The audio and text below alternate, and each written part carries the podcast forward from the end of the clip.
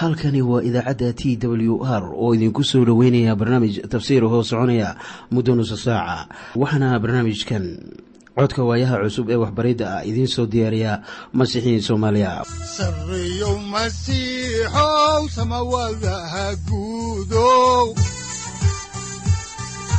Siraadkii adduunkow subanaha eebow sareyow masiixow samawadaha guudow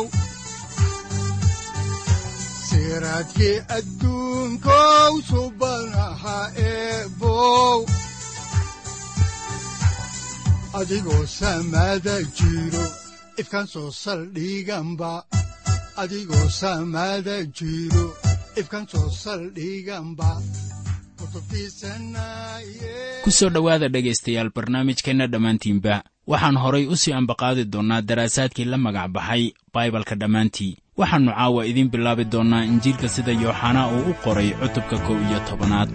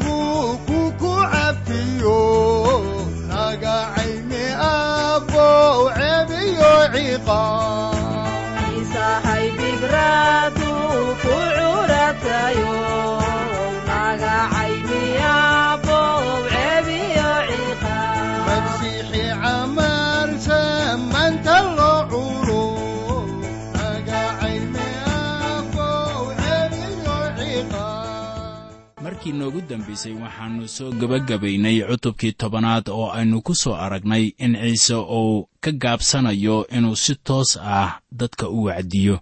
Waxaanan aragnay inay si cad u diideen qofnimadiisii sida ku qoran cutubka tobanaad aayadaha soddon ilaa kow iyo soddon.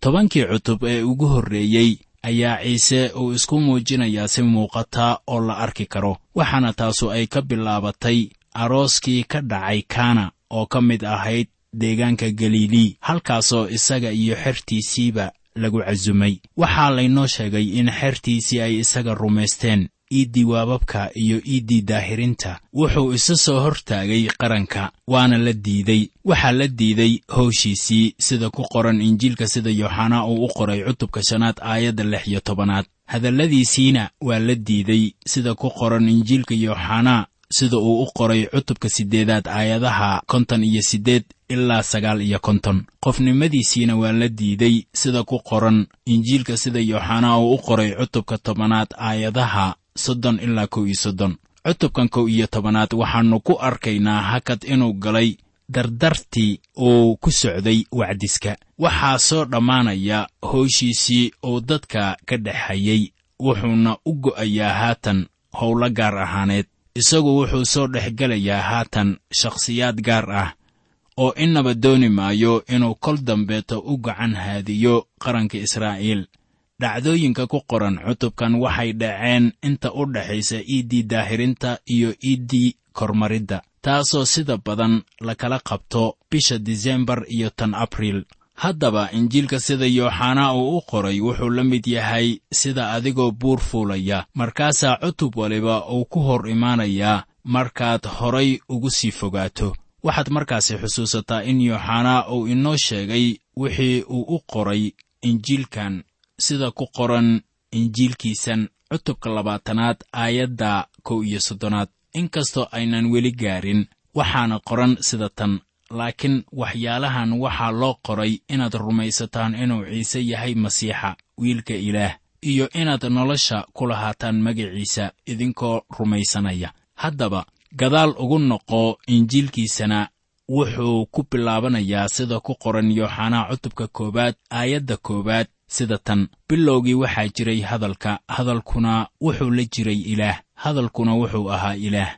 horay buu u sii socday oo wuxuu leeyahay sida ku qoran injiilka sida yooxanaa uu u qoray cutubka koowaad aayadda afar iyo tobanaad sida tan. Hadalkuna jir buu noqday oo waa ina dhex joogay. Markii uu inala joogay isagoo jir ah ayaa hadalladiisan waxaa xoojinayay mucjisooyin mas'alooyin iyo khudbado ama wadaxaajoodyo cilmi ku dhisan haatan su'aasha taagan waxa weeye miyaa ciise dadka uu ka kiciyey dhimashada. Su'aal kasta ee weyn diin waliboo la eego waxay qusaysaa dhimashada. Dhimashadu waa wax la yaab leh noloshuna waa wax cajiib ah. Hase yeeshee ficil ahaan noloshu qiimi yeelan mayso haddii aannu jirin sarakicidda dhimashada. Su'aasha laysweydinayo ama diin walba u taagan waxa weeye in diintaasu awood dhimashada ka sarraysa ay leedahay ama ay ka xoog badan tahay. Balse waxaa jira in baryaha kan ay soo baxeen firqooyin aan aaminsanayn mucjisooyinka ma ahan inay weliba asbaab u hayaan laakiin maba rumaysno mucjisooyinka baibalka oo dhan. Maanta waxaa jira waxbarid caan noqotay oo dadku ay leeyihiin. Anigu waxaan rumaysanahay diinta dunidan.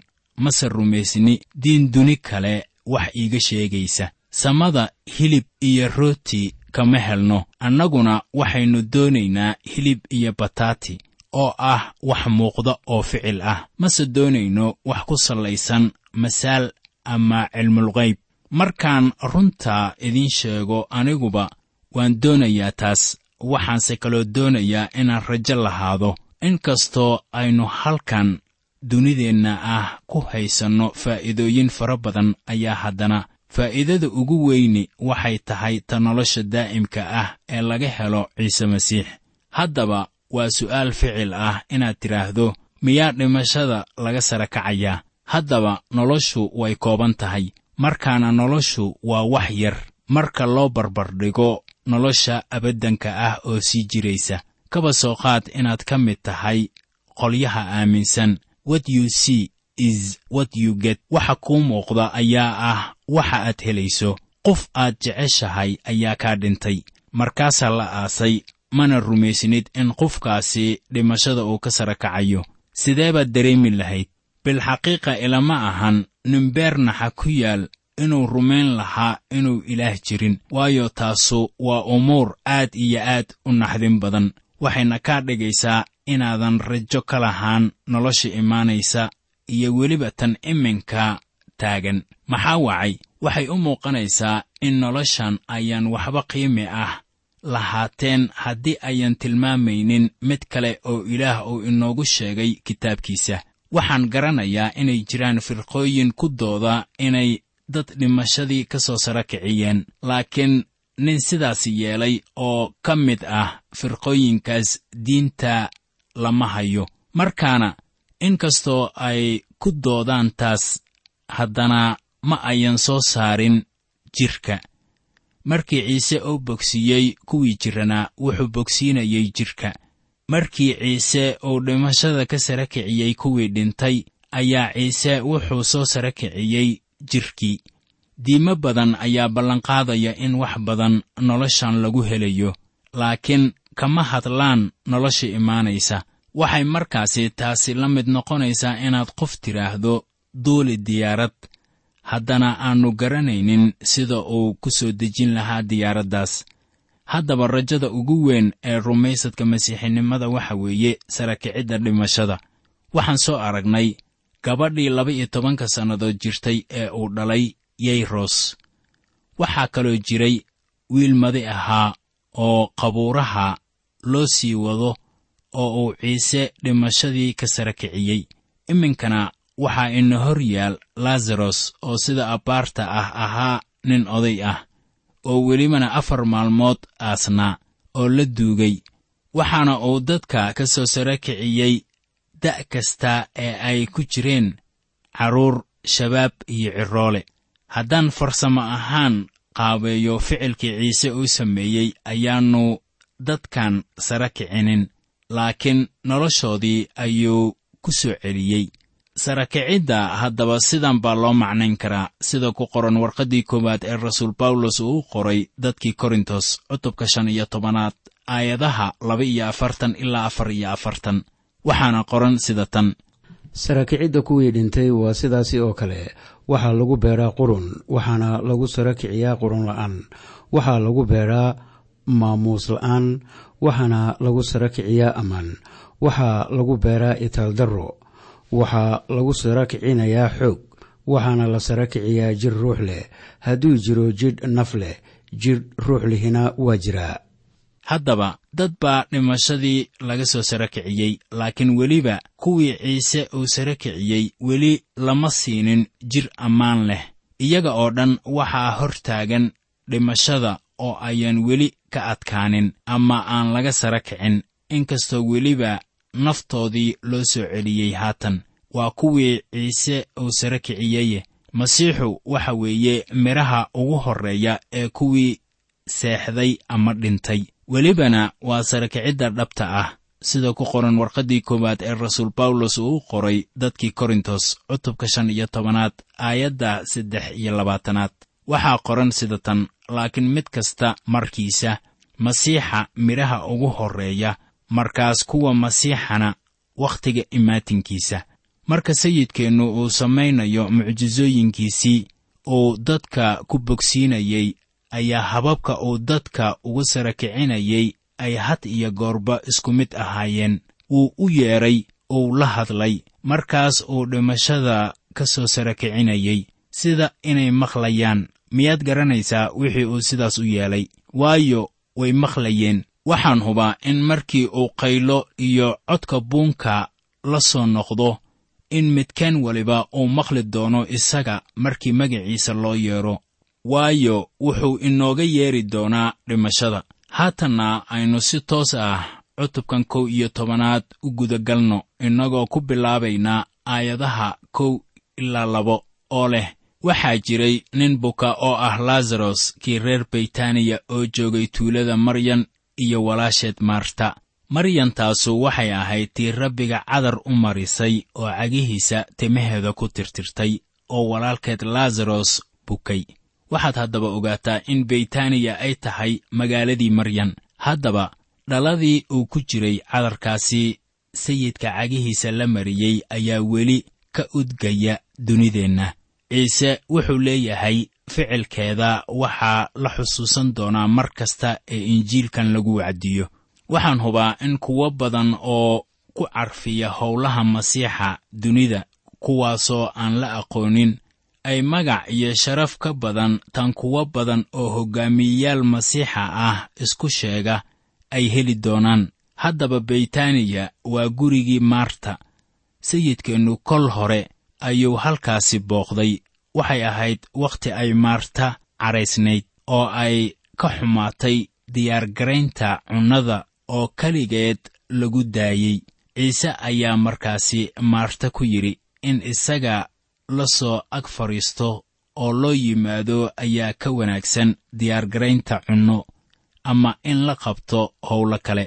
Waa magaaladii maryan iyo gurigii maarta. Haddaba waxaa jira hadiyado fara badan dadka qaar ayaa waxaa la siiyey hadiyado ay u qaataan guryahooda. Bal aynu ka hadalno haatan xorriyadda haweenka. Waxay aniga iila muuqataa inaanay haweenay helaynin meel ay u sarrayso oo kaga wanaagsan inay ahaato marwo sharaf leh iyo hooyo gurigeeda joogta. Waxay xorriyad qiimi leh ku leedahay halka cunnada lagu kariyo qaboojiyaha agagaarkiisa iyo meel waliba ee ka mid ah guriga. Iyadaa halkaasi xukunta iyo weliba guriga oo dhan taasuna waa hawsha loogu yeedrayo haweenay badan oo masiixiyiin ah. Waxaa jira haween kale oo howlo ka qabta meel guriga ka baxsan. Waxay ilmaha baraan casharro ay ka soo qaadaan kitaabka quduuska ah waxaanay wacdiyaan fasallada oo howlo u hayaan kiniisadda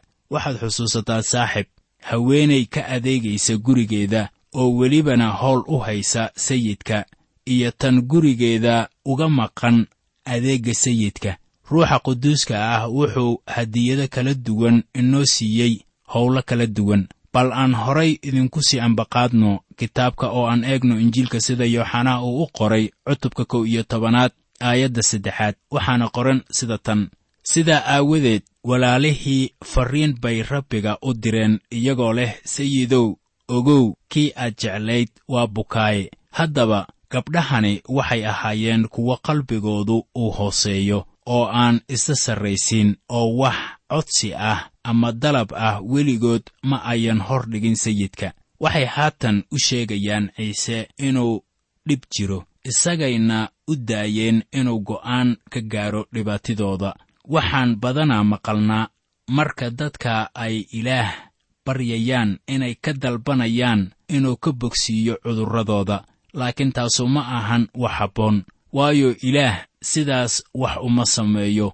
Waxaa haddaba ay maarta iyo maryamba leeyihiin sayidow ogow kii aad jeclayd waa bukaaye. Waxay odhanayaan kii aad jeclayd. Haddaba laasaros waxaa jeclaa badbaadiyaha bawlosna wuxuu leeyahay uu i jecel yahay. Yooxanaa ayaa isna isku sheegaya inuu ka mid ahaa kuwii ciise jeclaa. Butros ayaa isna leh ciise uu ina jecel yahay. Markaana aniga iyo adigaba wuu ina jecel yahay. Mid kasta ee ka mid ah carruurta ilaah ayaa ah kan uu ciise jecel yahay. Haddaan horay idinku sii wadno injiilka sida yooxanaa uu u qoray cutubka kow iyo tobanaad aayadda afaraad ayaa waxaa qoran sida tan laakiin ciise markuu taasi maqlay wuxuu yidhi bukaankanu kan dhimashada ma aha laakiin waa ammaanta ilaah aawadeed in wiilka ilaah lagu ammaano. Haddaba sidaynu arkayno marka ciise loo keenay akhbaarka ku saabsan jirrada laasaros ayaannu joogin beytaniya dadka qaar baa leh masiixiyiinta ma ahan inay jirradaan. Miyaa cudurrada ku dhaca masiixiyiinta ay yihiin kuwa ku yimaada qasdiga ilaah waxaan jeclaan lahaa in su'aashaas uu idinka jawaabo laasaros qudhiisa. Haddaba jirradu ma ahan calaamad sheegaysa inaannu ilaah ku jeclayn. Waxaa ku qoran cutubka sagaalaad aayadda koowaad ee kitaabka wacdiyaha oo ka mid ah kutubtii axdigii hore baalkiisa siddeed boqol saddex iyo toddobaatan sida tan. Waxyaalahan oo dhan qalbigaygaan kaga fiirsaday si aan u baaro in kuwa xaqa ah iyo kuwa xikmadda leh iyo shuqulladooduba ay gacanta ilaah ku jiraan. Bini'aadmigu garan maayo inay jacayl tahay iyo inay nacayb tahay toona. Waxaa bawlos uu ku leeyahay warqaddii koowaad ee reer korintos cutubka afaraad aayadda shanaad sida tan.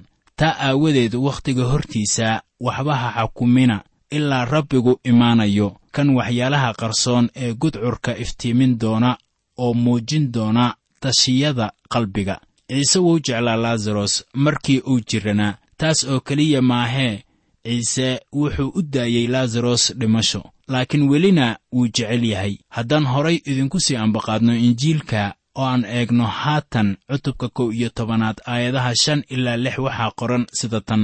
Ciise ayaa jeclaa maarta iyo walaasheed iyo laasaros sidaa aawadeed markuu maqlay inuu buko laba maalmood oo kale ayuu meeshuu joogay iska sii joogay.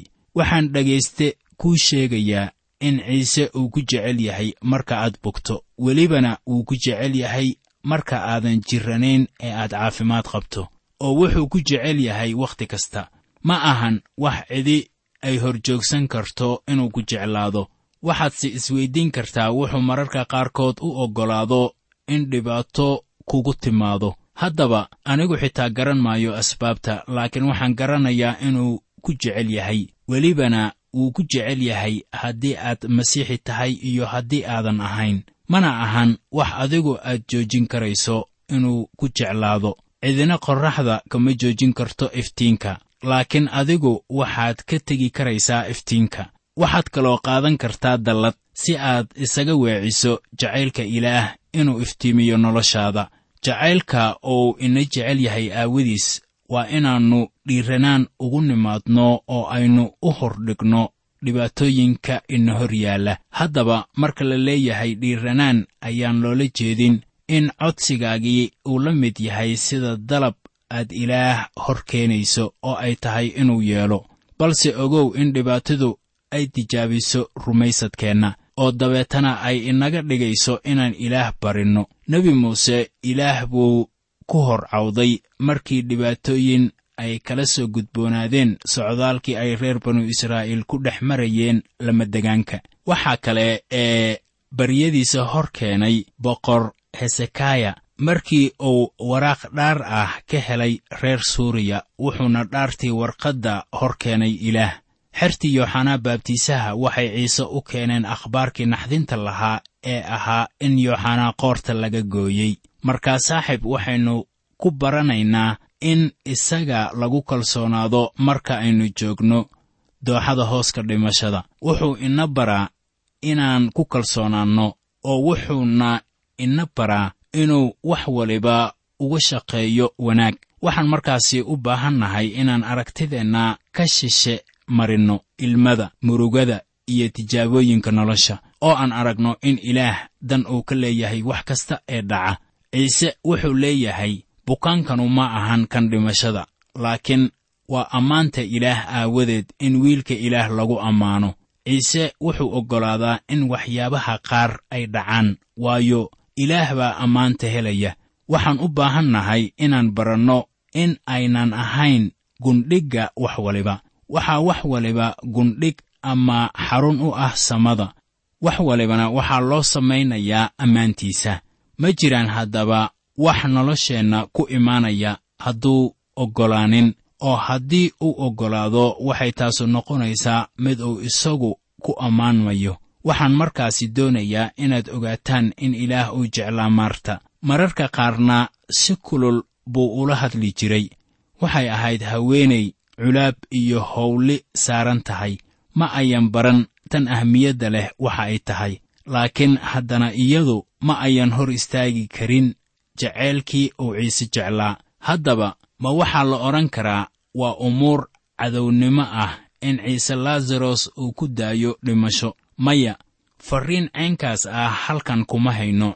Ciise waxaa qaaday caloolyow laakiin wuxuu ku hoos jiray doonista aabbihiis uurdabacsanaanta dadka haddii uu lahaan lahaa ayaa taasu ay ku qasbi lahayd inuu si dhaqsiyo leh ku yimaado beytaniya hase yeeshee ogaal buu laasaros dhimashada ugu daayey. Saaxib mararka qaar ayuu ka yeelaa in xigtadaydu ay dhimato.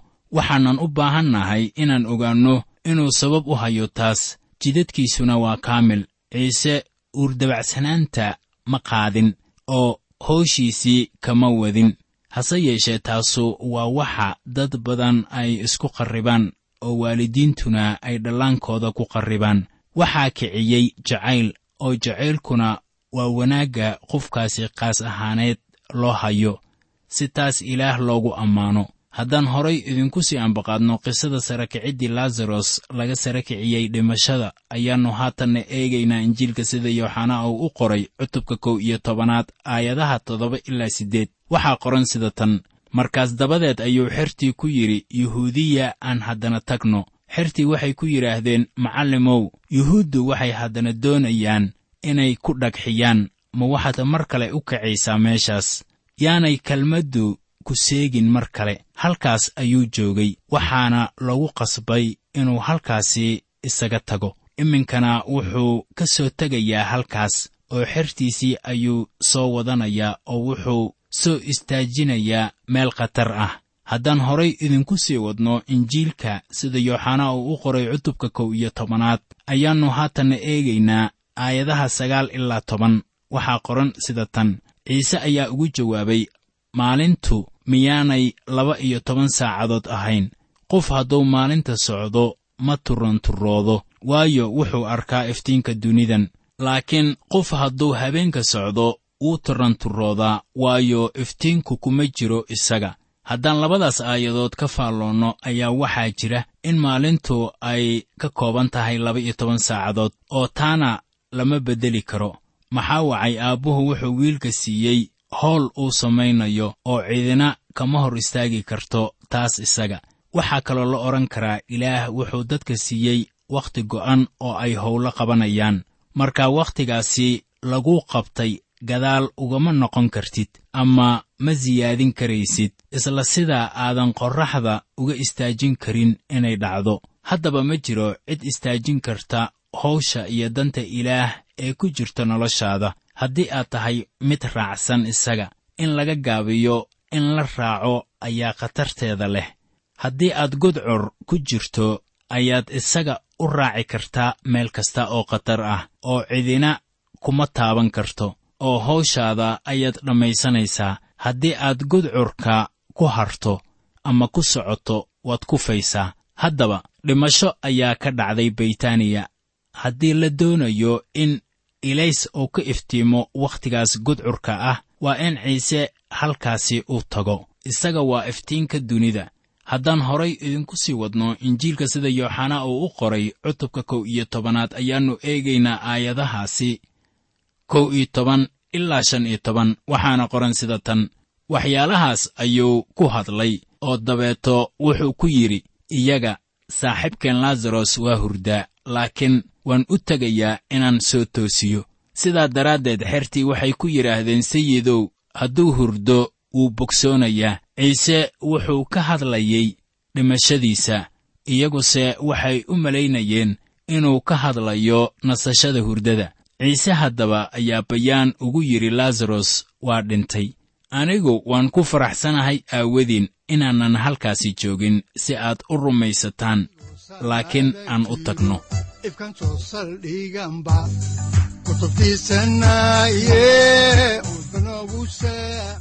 halkani waa t w r idaacadda t w r oo idinku leh ilaa ha idin barakeeyo oo ha idinku anfaco wixii aad caawi ka maqasheen barnaamijka. Waxaa barnaamijkan oo kalea aad ka maqli doontaan habeen dambe hadahan oo kale haddiise aad doonaysaan in aad fikirkiina ka dhiibataan wixii aad caawi maqasheen ayaad nagala soo xiriiri kartaan som t w r at t w r c o k e haddii aad doonaysaan in aad dejiisataan oo kaydsataan barnaamijka ama aad mar kale dhegaysataan fadlan mar kale booqo www t w r o r g amase www t t b t w r o r g amase waxaad teleefoonkaaga ku kaydsataa ama ku download garaysataa agabyada ku sahli karaa dhegeysiga t w r haddii aad doonayso in laga kaalmeeyo dhinacyada fahamka kitaabka amase aad u baahan tahay duco fadlan fariimahaaga soo mari bogga aaraahda ama kommentska inana jawaab degdeg ah ayaanu ku soo diri doonaa amase ku siin doonaaye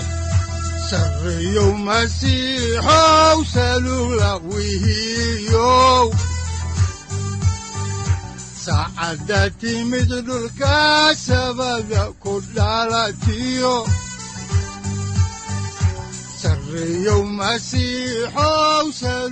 halkani waa t w r oo idiin rajaynaya habeen baraare iyo barwaaqaba leh inta aynu ka gaari doono wakhti aynu ku kulanno barnaamij la mida kan caawayay aad maqasheen. Waxa aan idinku leeyahay nabadda ciise masiix ha idinku badato xagga jidhka iyo ruuxaba. Aamiin